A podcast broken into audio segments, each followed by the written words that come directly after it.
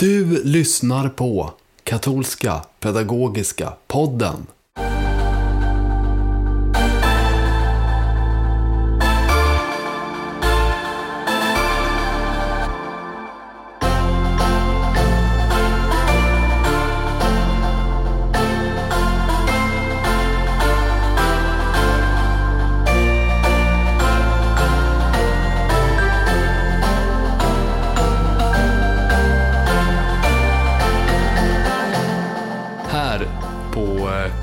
Kansli sitter Ulrika Erlandsson och Jim Lagerlöf för nu är det dags för sjätte avsnittet av Katolska Pedagogiska Podden. Hej hej! Hej allihopa! Ja, det är slutet av september. Egentligen brukar vi ju skicka ut de här poddarna någon gång kring den 20 men nu har det börjat eh, dra ihop sig mot eh, slutet av september. Vad, vad beror det på att vi är lite sena här egentligen? Ja, vi hade någonting som hette kateketisk kongress, Ni är världens ljus i helgen. Ja, varför låter du så glad när du pratar om det då? Ja, jag är fortfarande alldeles överväldigad över alla möten, alla underbara kateketer jag har mött från hela landet kom de samman. Det fanns en sån stor kraft och glädje och ja, det var, det var fantastiskt faktiskt att få uppleva och vara en del av detta. För mig var det ju verkligen som en helt ny typ av erfarenhet. Lite som när jag var vid Niagarafallet när, eh, 2016. Då tänkte jag, tänk att man som vuxen fortfarande kan få vara med om helt nya erfarenheter. Och det, så var det den här helgen tycker jag.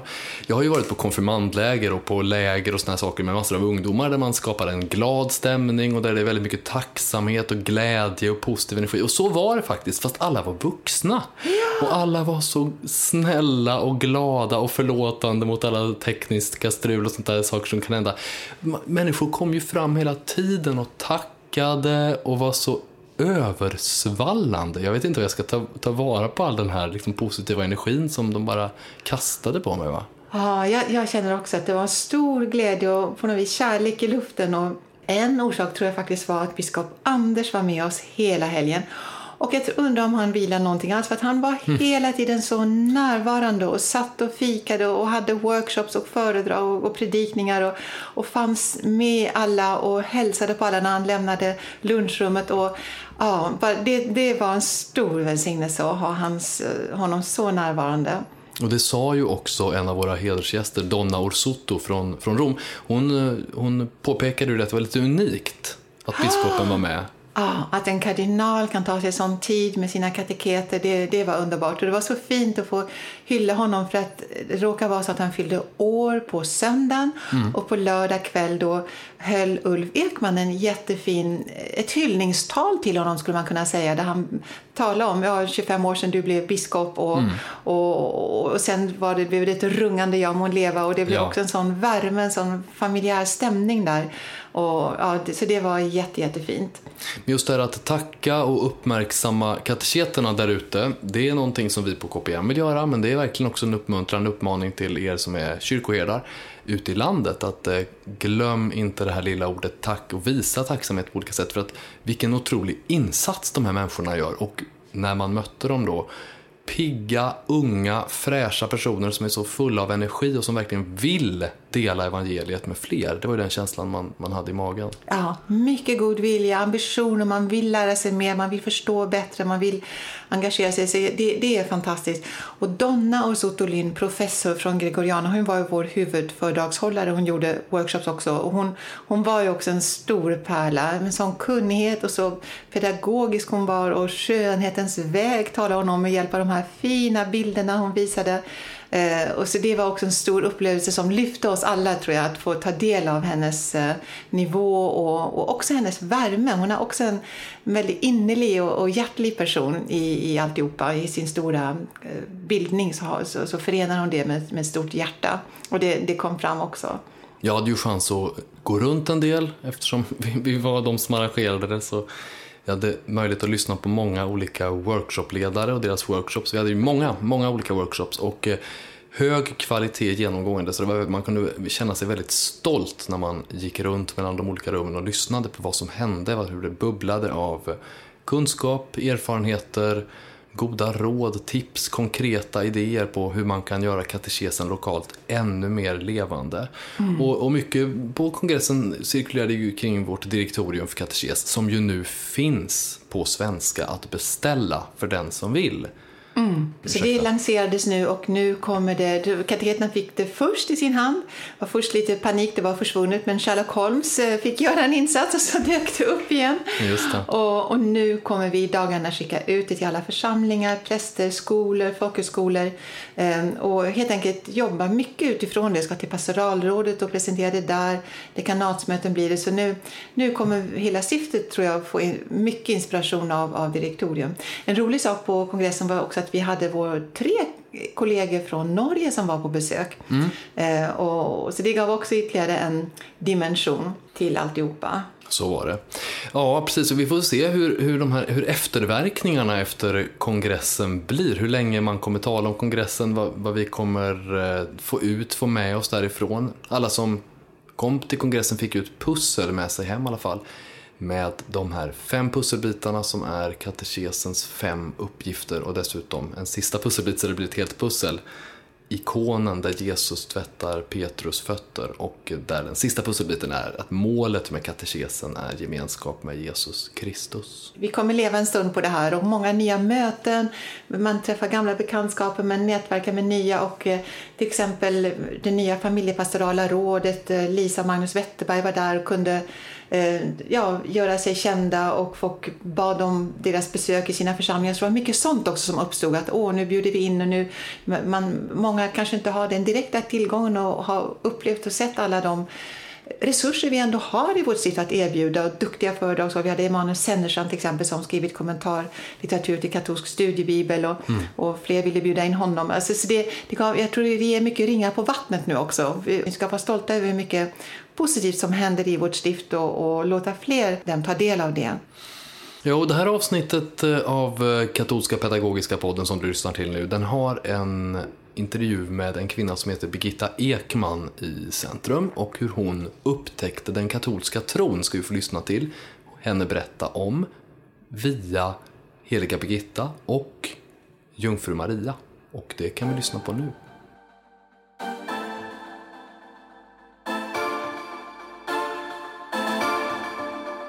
Birgitta Ekman växer upp som missionärsbarn långt från Sverige. Här hemma är hon kanske mest känd för sitt tidigare engagemang i den karismatiska församlingen Livets Ord i Uppsala där hon och hennes man Ulf var drivande gestalter. Hon har också skrivit böcker för barn och startat Indian Children som givit mat och skolgång åt slummens barn i Calcutta. När Ulf och Birgitta konverterade och blev katoliker för några år sedan så fick det stor uppmärksamhet i det kristna Sverige. Idag ska vi tala lite om hur en eller två gestalter som funnits med på vägen påverkat henne, den heliga Birgitta och jungfru Maria. Välkommen hit Birgitta Ekman. Tack ska du ha Jim. Hur är läget? Du har precis kommit hem från Frankrike när vi spelade ja, in här. jag har just kommit hem från Frankrike där vi fick glädjen, hela familjen nästan, att vara med när vår yngste son Benjamin uh, blev, uh, gav sina heliga och eviga löften mm. uh, som broder i Dominikanorden. Och det var i söndags mm. och alla hans egna bröder var med, Ulf och jag och en del brorsbarn och så. Det var en stor högtid för oss alla och det var så roligt. Mm och rörande, gripande att se. Du vet hur det är när, när någon ger sina löften, lägger sig i ett kors, som ett kors på, på ja. golvet i kyrkan. Ja. Och, och, lägger sina händer i, sin, eh, i eh, händerna på sin prior och, och lovar livslång mm. Mm. lydnad. Det, det, det var stort. Så hela familjen var på plats då i Lyon? Ja, alltså Benjamin är, är ju älskad av oss alla i familjen och, mm. och han hade också sagt till sina bröder att hörni ni, jag har kommit till ert bröllop. Ja. Nu får ni lov att komma ner till mig för mm. det här är typ samma sak för mig. Ja, ja. alla fattade och alla kom. Visst. Hur kändes det då att vara på plats och se det här? Jag som mamma, bara stolthet och glädje och tacksamhet till Gud. Mm. Att en av pojkarna har velat gå så här, den här vägen. Mm. För att tjäna, och det är ju predikarorden som du vet, mm. Dominikanerna. Så att, han- det finns ju en längtan i honom att få förkunna om, om Gud och hans kyrka. Det är bara så fantastiskt roligt. Men han är långt borta hemifrån. Ja, det har han ju varit i många år faktiskt. ja. För att han började ju, eh, innan han blev katolik så pluggade han i USA, i Chicago i flera år och så har han varit i, i eh, Wales och, och sen i Lund i, i många år. Men nu har han verkligen varit i Frankrike i fyra och ett halvt år och han har nog ett par år kvar innan han eh, är klar liksom för nästa steg som vi tror och hoppas är då prästvigning. Så Ja, just det. Ja. Ja, han har gjort en resa och du har ju gjort en resa. Om jag hade träffat dig för säg 25 år sedan kanske eller så och frågat dig vilken bild du hade av till exempel katolska kyrkan eller jungfru Maria. Vad hade du sagt då, tror du? Du, jag hade varit, det här 25 år sedan är ju då 98. Då hade jag inte varit så pigg på det du. Nej. Eh, ja, jag, nej, jag minns att vi var, Ulf och jag, i, i Rom faktiskt bara för skojs skull. Och jag gick där och såg alla Maria-statyer och blev bekymrad och tänkte nej det här är bara för mycket. Så att eh, jag hade inte stor förståelse för kyrkan. Men det var efter det runt millennieskiftet som det började hända någonting i, i mitt hjärta och i Ulfs. Att nej, vi måste närma oss centrum av kyrkan. Vi, det här, vi vill inte vara på, på en, eh, utkanten av någonting utan vi, vi förstod att vi måste gräva djupare. Men då var du i en miljö där man, som du säger, man var lite kritisk eller fundersam eller orolig kanske till och med. Vad, vad håller de här katolikerna på med? Ja, orolig är nog rätt ord alltså. För att eh, eh, Livets Ord och frikyrkligheten är ju, måste man väl säga, oroliga eh, över eh, vad vi tror. Och, och, och vad jag såg i mig själv eh, var ju detta att, att, att man, man tror att det är felläror. Ja, Bara rätt och slätt eh, har blivit fel någonstans under historiens lopp. Och, och eh, det är ju ganska förmätet. Men det började med heliga Birgitta. För att det var ett jubileumsår, eller skulle vara det 2003. Då eh, tänkte jag på det och eftersom jag heter Birgitta så tänkte Ja. jag att jag är skyldig att ta reda på mer Okej. om henne. För man visste jättelite. Inte har du hört mycket om Birgitta i skolan? Lite, jag kommer ihåg att jag fick se, vad heter han, Hermans historier, vad heter han, Herman. Lindqvist. Och han var, det intressanta med honom var att han var lite, lite öppen. Han sa kanske var det, kanske fick Ah. hon uppenbarelser och då trodde ju inte jag på det på den tiden. Men det var ändå en öppning. Ja. Ja, visst. Nej, men du är lite yngre än mig, så Ja, du ja, fick en kanske. bättre bok. Eh, på 60-talet och sådär fick man inte veta så värst mycket. Nej. Nåväl, eh, jag, jag tänkte nu, nu, ska jag ta, nu ska jag läsa en bok om Birgitta. Jag bara, bara fick, jag tror det var faktiskt Benjamin då, så, Ja. som var ju en ung gymnasist då. Mm. Som sa, ta den här på en second hand-bok. Eh, om, om Helga Birgitta. Sierskan heter den och det är en Mm. finländsk eh, författarinna. Och jag blev så fascinerad. Okej. Jag blev så intresserad också. För jag fick eh, respekt för denna Birgitta. Och jag såg att hon var oerhört noggrann med sin andliga liv. Hon, eh, man har ju fått höra vet, om helgon att de är hysteriska och att, det att det är massa Mm. De späker sig kanske. späker sig för mycket och sådär. Men där fick jag ju, även om det var en roman, så var den ändå, tror jag, ganska verklighetstrogen.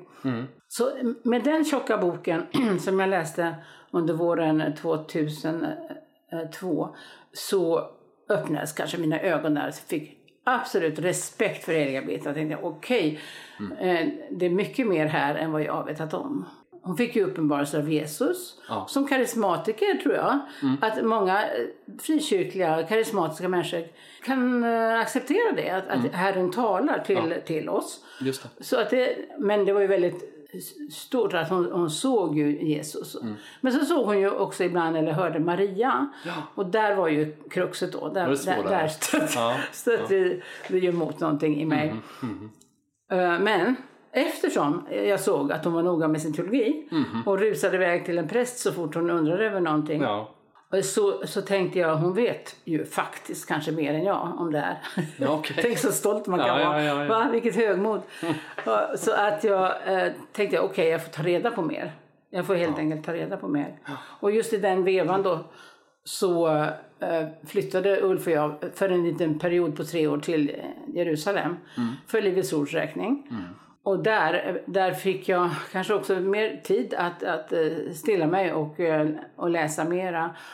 Och så slogs jag bara av en skamfylld tanke en dag där. Ja. Och det var att jag är lika fördomsfull som Expressen och Aftonbladet är mot oss och Livets Ord. Just det. De har, påstår massa saker. Så här är det på Livets Ord. Och, och det är hemska saker som verkligen känns kränkande för många i, I, i den församlingen. Och så insåg jag, för jag hade tänkt, kan de inte ta och lyssna så att säga på grundtexten? Kan de inte lyssna på vad vi faktiskt Ja, säger? ja, ja, istället för att bara vidare eh, föra massa rykten. Och så slår det mig där i Jerusalem. Du är lika fördomsfull fast mot katolska kyrkan. Du tror att du vet Okej. vad de lär om Maria. Och det fick mig liksom att eh, fatta, nej nu måste jag gå till, till eh, katolsk litteratur, till katekesen, till vad, vad kyrkan faktiskt säger att, att den lär. Ja, okej. Och det, det var ju en ödmjukande och väldigt härlig tid. Då jag fick se hur fel jag och många med mig då har haft om Maria. Eh, Ulf brukar säga, jag minns när du ropade i huset, nu fattar jag! nu fattar jag det här med, jag tror det var eh, eh, hennes obefläckade avelse. Ja, det. Det, det, är ju en sak som är svår för, för många som inte är katoliker att förstå. Det är en av dogmerna. Vad tror du det beror på att den här oron eller skräcken eller berö- ja, beröringsskräcken för jungfru Maria, inte alltså mest för henne egentligen, men även för helgon i allmänhet Ja. finns i protestantiska sammanhang? För det första är det ju bara så sorgligt för man går miste om så mycket. Men, men det är ju ett resultat av reformationen ändå. Och, eh, och, och detta är eviga fruktan att miss, misshaga Gud, att det är avguderi. Man vill för sitt liv inte du ska inga andra gudar hava jämte mig. Alltså det har man präntat in. Och då är ju ingen människa som påstår att Maria är Gud. Eh, men, men de tycker, eftersom de ser katoliker böja knä vid Marias staty, kanske, eh, och nämna sina böner för henne, så tycker de, ah, det ser, Ja, hon är, hon är, hon är Gud. Det, det är avguderi. Eh, men det är bara en fel förståelse. Men du, du, blev su- du ville förstå på något sätt? Absolut. Jag, jag, jag ville verkligen förstå. Jag tyckte det var min plikt. Okej. Jag är ändå alltså, pastorsfru då på Livets Ord, Ulf är pastor. Vi har plikten att, att ta reda på vad, vad den katolska kyrkan lär och säger. Istället för att bara tro att vi redan vet det. Så den, den känslan av sanning, att söka sanningen, den drev oss.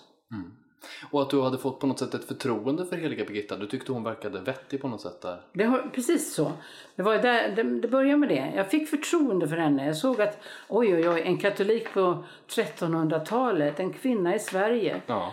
eh, är så här klok och andlig och, och eh, på alla sätt eh, en, en, en, en fantastisk människa helt enkelt. Och så, så jag var tvungen att att då ta hennes ord på allvar och också då lära känna denna Maria som hon, som hon talade med.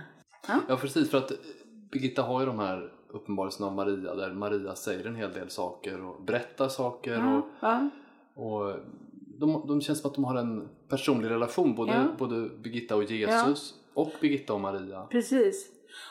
Och, och eh, du vet hur det är när man inte är katolik. Man tycker att be och tala med gör man bara med Gud, med Jesus. Mm. Så därför var ju det också ett bekymmer i början. Ska man verkligen vända sig till någon annan, till Maria? Just det.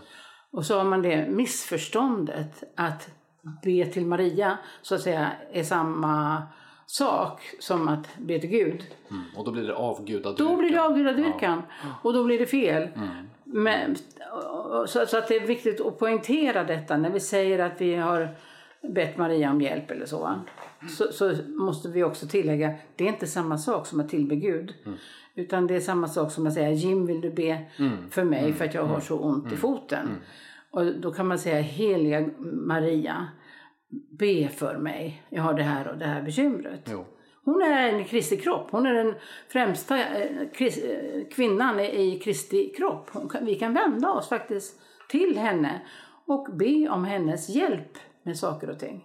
Men det är ett stort steg, alltså Ja. från att tänka att det är ett avgudadyrkan, något man absolut inte ska syssla med, Mm. och sen att stegvis då upptäcka något annat. Mm.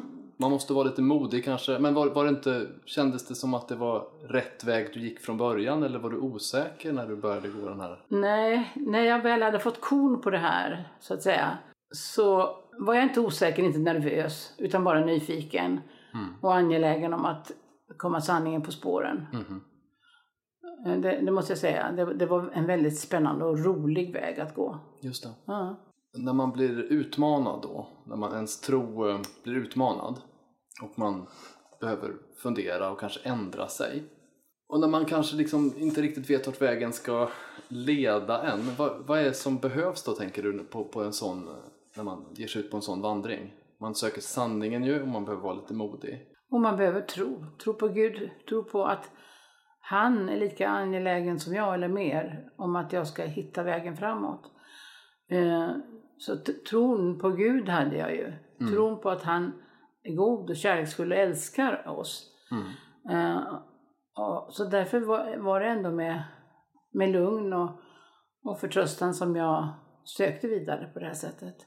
Så jag tror att man bara uppmuntrar människor. Men tro, tro på Gud. Tro eh, på honom att han är din kärleksfulla fader som vill hjälpa dig. Det finns ju ett gäng då dogmer om Maria i den katolska kyrkan som kanske då inte finns i de protestantiska kyrkorna. Och ibland kan man tycka att de är främmande för, för eh, om man är uppvuxen med att eh, inte tänka så, då är det främmande.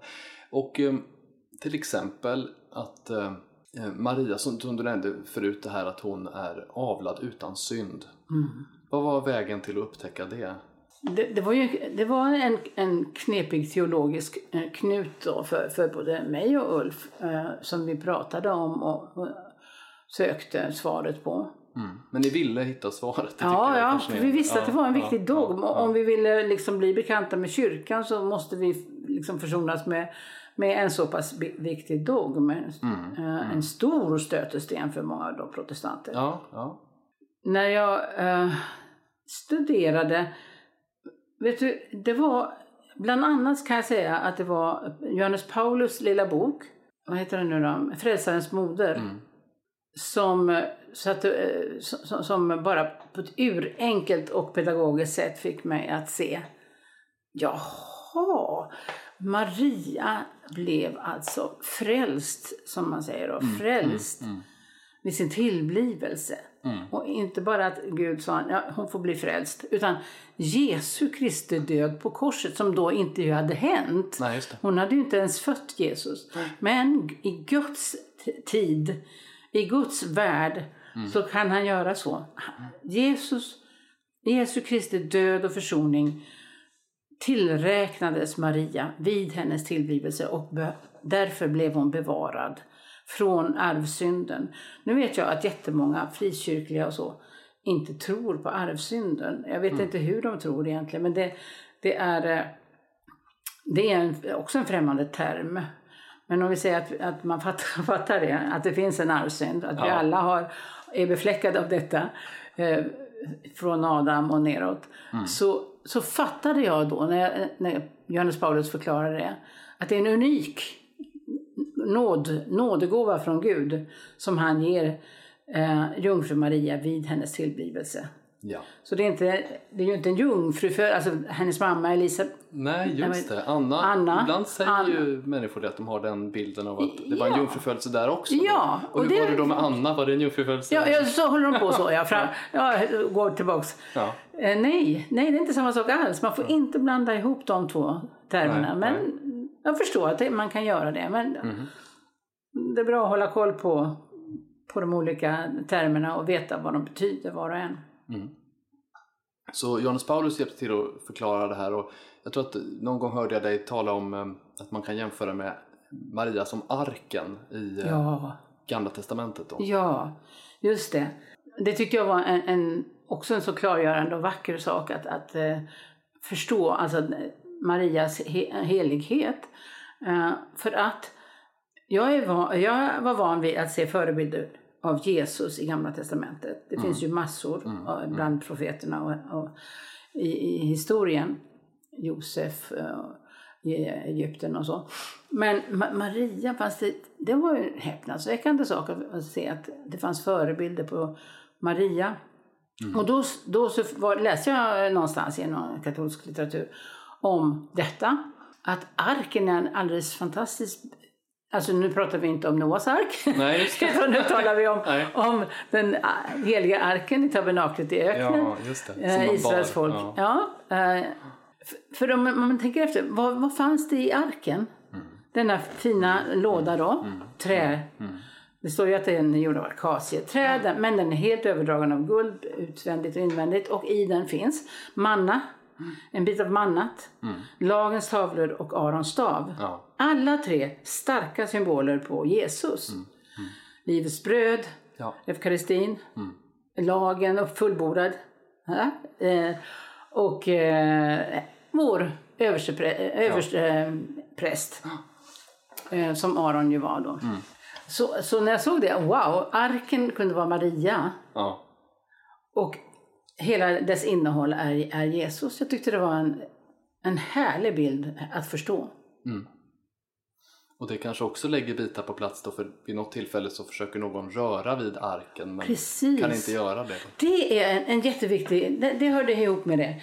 Någon, eh, Ussia heter han väl i, i Bibeln, som rörde vid arken för han trodde att den höll på att ramla av en kärra och han, han, han föll ihop död. Han, man fick inte, och det visste han också e- egentligen, man fick inte röra vid arken. För den var höghelig. Och eh, då kommer vi till Maria då. För att eh, många alltså, protestanter då tror att Maria hade fler barn. Mm, just det. Eh, för att det står om Jesu bröder och systrar. Mm. För det första lär vi oss i Israel att bröder och systrar när man pratar med araber eller, eller så, det är kusiner Ja, eller ja, ja. sysslingar. De är släkt helt enkelt. Man behöver inte vara Nej, nej. bror av, av samma mamma och pappa. Och så, va? Utan man är släkt. Och, eh, eh, så det är den ena. Den andra var att när Jesus dog på korset och sa till Maria, se din son och han eh, se din moder. Då kan man eh, tänka så här att enligt judiskt eh, sätt att tänka så, så är det nästa barn i kullen som tar hand om mamma. Inte en som inte ens är familj. Johannes var inte med, han var inte släkt med Jesus så. Men då fick han ansvaret för Maria. Eh, Hade Maria haft en, en son till efter Jesus så hade det naturligt gått till honom. Så, ja, många sådana små bitar som visar mig här finns så mycket jag inte har sett förut, inte fattat. Man är, man är blind, delvis blind på olika saker. Och när du då har gjort den här resan och upptäckt Jungfru Maria och vem hon är enligt den katolska kyrkan. Var det någonting som du uppfattade som skönt, som befriande eller var det fortfarande en utmaning att tänka annorlunda då än det sammanhang där du fanns? Personligen tyckte jag det var mycket, mycket givande, mycket... eh, Jag var, jag var tacksam för ny, ny, nya insikter. Och jag ville gärna dela med mig eh, med andra eh, om detta. Det Kunde var det? inget som kändes nervöst. Nej. Mm. Det var det inte. Men jag visste att det här kan vi inte bara slänga ur oss hur som helst. För att vi har ett ansvar för, då främst för människorna i församlingen Livets Ord. Och Ja, ja. Det går inte att chocka dem hur som helst. Och sen måste jag ju bara påpeka att det här tog ju många år. Och Nu, det här i Jerusalem det var ju 2002, 3, 4, 5. Eh, Och det var 14 som vi konverterade. Just det. Så där har vi ju över 10 år Ja. och egentligen uppåt 15 år som vi bearbetar frågorna. Vilken roll har Maria i ditt liv nu då? En, eh, en god moder som, som eh, bryr sig om mig. Jag har ingen speciell sådär, jättedevotion som vi säger i katoliker. Men jag, naturligtvis är hon jätteviktig i, eh, i min tro. Uh, utan Maria, hennes liv och henne, så hade vi inte haft Jesus. Vi hade inte haft frälsningen. Hon var ett nödvändigt redskap, samarbetspartner för, för Gud. Och så därför hyser jag den allra största kärlek och respekt till henne. Och är, är innerligt tacksam till henne. Många kvinnor som jag känner tycker att det är centralt det här att man delar moderskapet med Maria. Man själv är mamma och man mm. uppfattar att Maria känner igen ens bekymmer och ja. glädjeämnen genom att hon också var det. Jo, det är sant. För jag har ju, eh, som, som jag nämnde först, jag har ju fyra söner och eh, som en mamma så tänker man ju nästan ständigt på sina barn, oavsett om de är fyra år eller, eller 40 år, så, så har man dem i sitt hjärta. Och det, då kan man säga till Maria, du vet, mm. du vet hur det, hur det är för mig att ha dessa barn. Och du, jag, jag ber om, om din hjälp och förbön. Och du förstår mig och jag, jag förstår också lite grann din enorma smärta och vånda vid korsets fot. Där du stod och såg din egen son torterad och döende. Vilken smärta! Och särskilt när man har fått veta att denna son också är, är Gud. Mm. Hur kan det vara möjligt? Vad är det som händer? Och ändå står hon där och bara förtröstar på Gud och vet att han har Jesus i sin hand. Han ska, han ska uppstå. Ja, det, det, är, det är stort alltihop det här. Den som vill eh, närma sig Maria eller lära känna kyrkans tro om Maria mer, vad ska den göra tänker du? Rimligtvis eh, inse då att de här bristerna i ens eh, kunskap eller om den katolska tron, man måste vara villig att lära. Mm. Man måste vara villig att lyssna mm. Och, och, läsa. Nu mm. finns det ju massa mm. poddar och det finns mm. jättemycket litteratur. Så jag tycker man ska ta det som en utmaning. Nu, nu, nu ska jag lära mig det här. Nu ska jag komma närmare. Jag ska förstå. Jag vill inte, eh, jag vill inte vara okunnig om så här viktiga saker. Det är ändå världens största kyrka vi pratar om, katolska kyrkan. Mm. Det, det kan, de kan inte ha totalt fel. Och, och, bara vår lilla eh, grupp här i eh, ett hörn av Sverige har rätt. Mm. Nej, vi måste fatta, ödmjuka oss ödmjuka oss tror jag och mm. förstå. Det finns mer att förstå angående den kristna tron. Med de orden då Birgitta Ekman så får jag säga stort tack till dig att du ville delta i den här intervjun. Tack för att du kom hit. Tack ska du ha.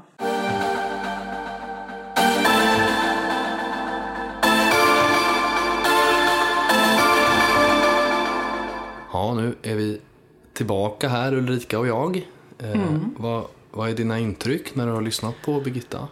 Ja, alltså jag är ju uppvuxen katolik av gammal ohejdad vana och det är klart att jag också i tonåren liksom distanserade mig lite till kyrkan och sen hittade tillbaka. Men jag kan ju inte någonstans jämföra mig med den stora resa som Ulf och Birgitta har gjort. Det blir, blir ju deras liv lite av ett paradigmskifte och det verkligen måste ha kostat på dem väldigt mycket.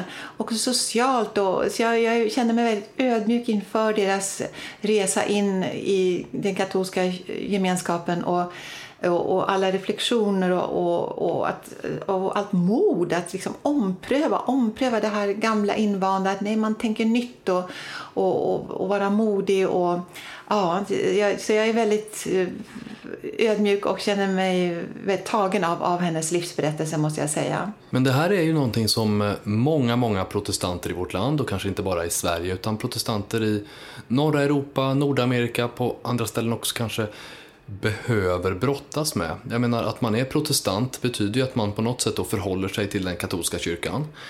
Eh, då får man säga vad man vill om det, men det är väl ändå det som i alla fall ordet protestant har att göra med, att man protesterar mot någonting. Mm. Och, eh, mm.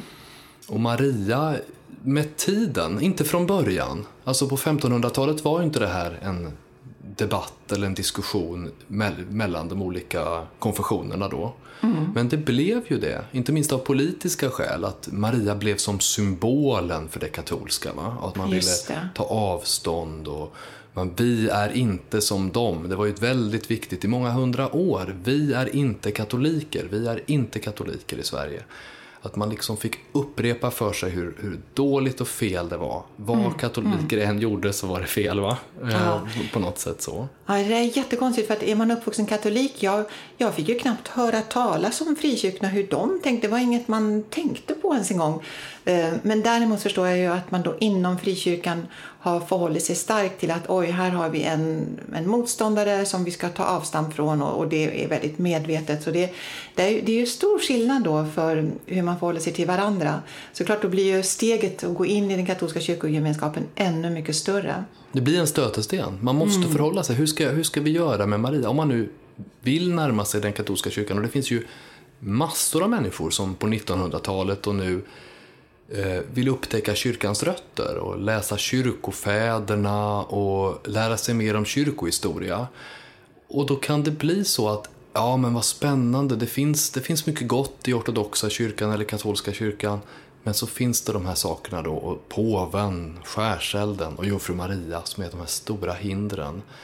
Och eh, om man nöjer sig med sina fördomar, det var ju väldigt fint och ärligt mm. beskrivet av, av mm. Birgitta här i intervjun tycker jag. Om man nöjer sig med sina fördomar då kanske man inte kommer vidare. Mm. Nej, det finns verkligen hela tiden mer att upptäcka och eh, det är skojigt hur hon har närmat sig verkligen starkt Maria och eh, det slog mig en sak jag hörde bara, man fortsätter att lära sig hela livet och mm. för inte så länge sedan så var det en som berättade för mig, har du tänkt på, och det är egentligen helt självklart men jag hade faktiskt inte tänkt på det förut, att Jesus är ju Gud och människa och hela sin mänsklighet har han fått från Maria. Mm, mm, det är alldeles självklart. Mm, mm. men men det, det skakade ändå om mig en gång till och, och öppnade upp mitt hjärta och mina ögon ännu mer för hur viktig Maria är. Eh, ja, hela det mänskliga kommer, kommer från henne i, i, i, Jesus. Just det, att hon får vara med. Jag tycker det där är ju det, det stora i den kristna tron, hur Gud vill hela tiden samarbeta, samverka och liksom hur han är duktig på att delegera på något sätt uppgifter till svaga, enkla människor. Va? Och eh, en annan sak, när, om man har sett vår serie Sycamore med prästen Stephen Wang som presenterar katolsk tro vi har på vår hemsida och då film mm. nummer 19 handlar om Maria. Och ja. Han vänder sig också lite grann, tycker jag, till, lite grann till icke-katoliker. För det, han känner igen det från England att det, även där är, det, är hon lite stötesten. Och då, då det finns en sån stark passage jag blev så gripen av när han säger för de frågar men varför håller ni på så mycket med Maria och varför ja. är hon egentligen så viktig? Och då säger han utan Maria ingen jul, utan Maria ingen påsk, utan Maria ingen... Alltså all, hela vårt kyrkår, hela inkarnationen, allting hänger på att hon den gången sa ja.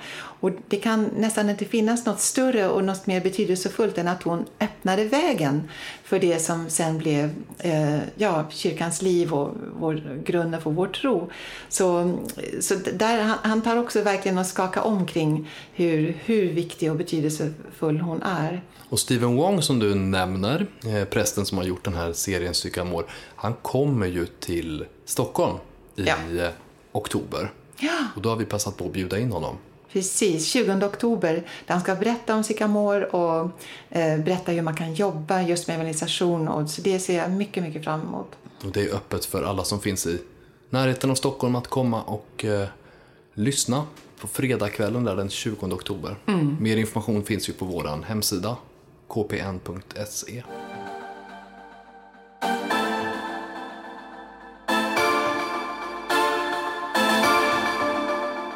Månadens boktips, det är ingen bok men det är en eh, serie, en videoserie som heter Nikodemusmöten.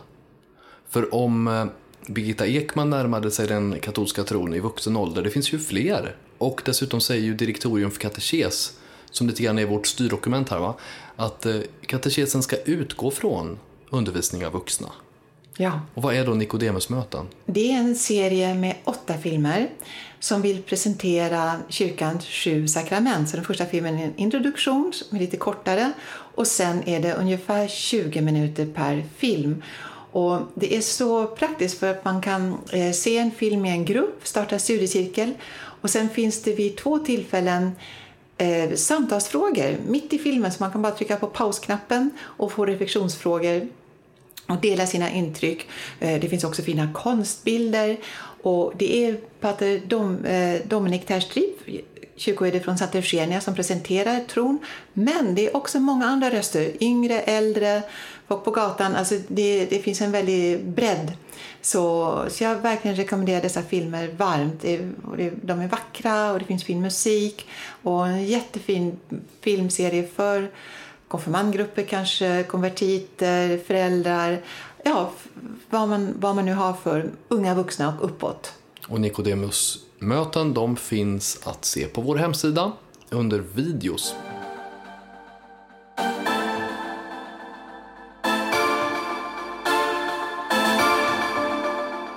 Och frågan den här månadens avsnitt av Katolska Pedagogiska podden, den eh, riktar sig lite grann framåt. Det är ju snart oktober och eh, rosenkransens månad. Och hur kan man jobba med rosenkransen i katekesen egentligen? Ja, vi har ju lite material, eller hur? Vad har vi för material Ulrika? Mm. Vi har ju dels ett litet häfte och det har riktigt varit en bestseller som heter Rosenkransen. Um, vi säljer jättemycket som, som är en väldigt pedagogisk med mycket bilder, beskrivning av, av rosenkransen. Och sen har vi också min eh, rosenkrans som då är ett pyssel, ett pysselsätt där man kan mm, tillverka. Mm, med pärlor och Ja, precis. Mm. Och, och min favorit är en stor affisch med eh, alla stationer i Maria. Den har jag gjort många gånger presentationer för både barn, ungdomar och vuxna faktiskt för att bilderna levandegör så starkt hennes händelser, hennes livshändelser och vi får följa henne och bilder öppnar upp på något vis på ett annat sätt för, för hennes liv och för vem hon var och, och väldigt tacksamt att använda i katekesen. Och just bilder kan ju vara en sån här sak att använda när man ber rosenkransen med barn eller ungdomar första gångerna. Att ha någonting att koncentrera sig på utöver själva rosenkrans-radbandet. Att man har någonting att titta på för varje mysterium. Och eh, då kan du ju göra ett bildspel och då visar du bilder som passar in till de olika mysterierna. Det kan också vara fint att, eh, att liksom stanna upp lite längre kring mysterierna. Läsa ur eh, barnens bibel eller ur den vanliga, den ordinarie bibeln, mm. de här avsnitten. Att reflektera, stanna till lite längre i förväg och liksom prata om mysterierna så att man vet mm. var, varför ska vi stanna upp vid just de här och vad, vad kan vi reflektera kring, tänka kring vid respektive mysterium? Det är, en hel värld som öppnar, öppnar upp sig. Sen detta att be repetitivt, det är ju någonting man behöver öva sig på, komma in i och det kanske inte passar för de allra minsta, eller så gör det det om du förklarar varför. Att det handlar om att på något sätt vila i gemenskap med Maria och Jesus. Eh, jag har också god erfarenhet av att jobba med bilder. Det finns ju så många fina bilder på Maria i kyrkokonsten från de första århundradena och till idag. Mm. De är så olika. Ibland Maria flickaktig, ung och sen plötsligt en drottningmorden, den kraftfulla mm. eh, Theotokos. Alltså det, det, det spänner och alla kulturer vi har. Så jag har faktiskt flera gånger gjort så att jag lägger ut väldigt olika typer av Mariabilder på golvet eller på bordet och så får alla välja. Varför valde du den? Varför talar den till dig? Och, mm. och då har jag själv ofta blivit väldigt berörd av vilka starka vittnesbörd man får höra. Och det kan vara både från konfirmander och yngre barn och, och till vuxna. Vi har alla ofta vår liksom, Mariabild i närmast hjärtat. Ehm, så, så det har varit väldigt fint. Och också den här affischen vi har, när jag har presenterat färdigt och jag brukar fråga barn, vad, vad gör Maria där? Och hon går, är på väg, hon rider på en åsna på väg till Egypten, vad hände? Det kan bli lätt interaktivt. Så brukar jag fråga på slutet, om ni fick välja, var någonstans i Marias liv skulle ni vilja vara med? Mm. Och det slår aldrig fel, för då säger de alltid åh, jag skulle vilja vara ja, där, då ja, vid Kanans ja, bröllop, eller vid korset, eller liksom där och där. Och, och, och, det är så fint, för att de, barnen är så förbehållslösa, de hoppar rakt in i Marias liv, vill vara nära henne, inspireras av henne. Jag tror också miljön runt omkring om man vill be rosenkransen med unga. Att man ser till att det är tyst och stilla, att det finns ett ljus tänt, att man har en avslappnad stämning. Man kanske ligger på golvet, på kuddar, vad vet jag. Alltså man, man skapar en miljö där det är möjligt att vara nära. Eh, att låta Maria och Jesus komma nära i bönen. För det är mm. det, det lilla vi kan göra. Vi kan inte ge någon annan våran tro, men vi kan ge förutsättningar och jordmån för barnens tro att gro mm. och växa. Jag har också gjort några gånger faktiskt med konfirmandgruppen Maria-stationer. Att vi mm. ställer i ordning en liten hörna eh, liksom när ängeln Gabriel kom och man tänder ljus och man har liksom en skylt och bilder och, och de får själva tända ljus och göra någonting och så går man från station till station och, och de kan bidra med lägga stenar eller på, på något vis komma nära Maria och, och sen blir det för att man ska kunna komma ner i varv och, mm. och komma ner mer in, min inre Maria, liksom, vad, vad öppnar hon hos mig? Vad kan jag själv höra det här tilltalet hon fick höra? Vad vill ängeln säga till mig? Ja, på något vis komma in på livet på något vis. Det, det kan en sån vandring tycker jag hjälpa till med. När det får bli något fysiskt. Liksom. och så. Mm. Lugn. Där har ni några tankar kring hur man kan be med Maria tillsammans med barnen. Mm. Och det här var det sjätte avsnittet av Katolska Pedagogiska podden. Och eh, vi är väl tillbaka inom en månad. Mm. Det vill jag nästan lova. Med de orden får vi tacka för idag och... Eh, och vi hörs igen. Det gör vi. Hej då. Hej då.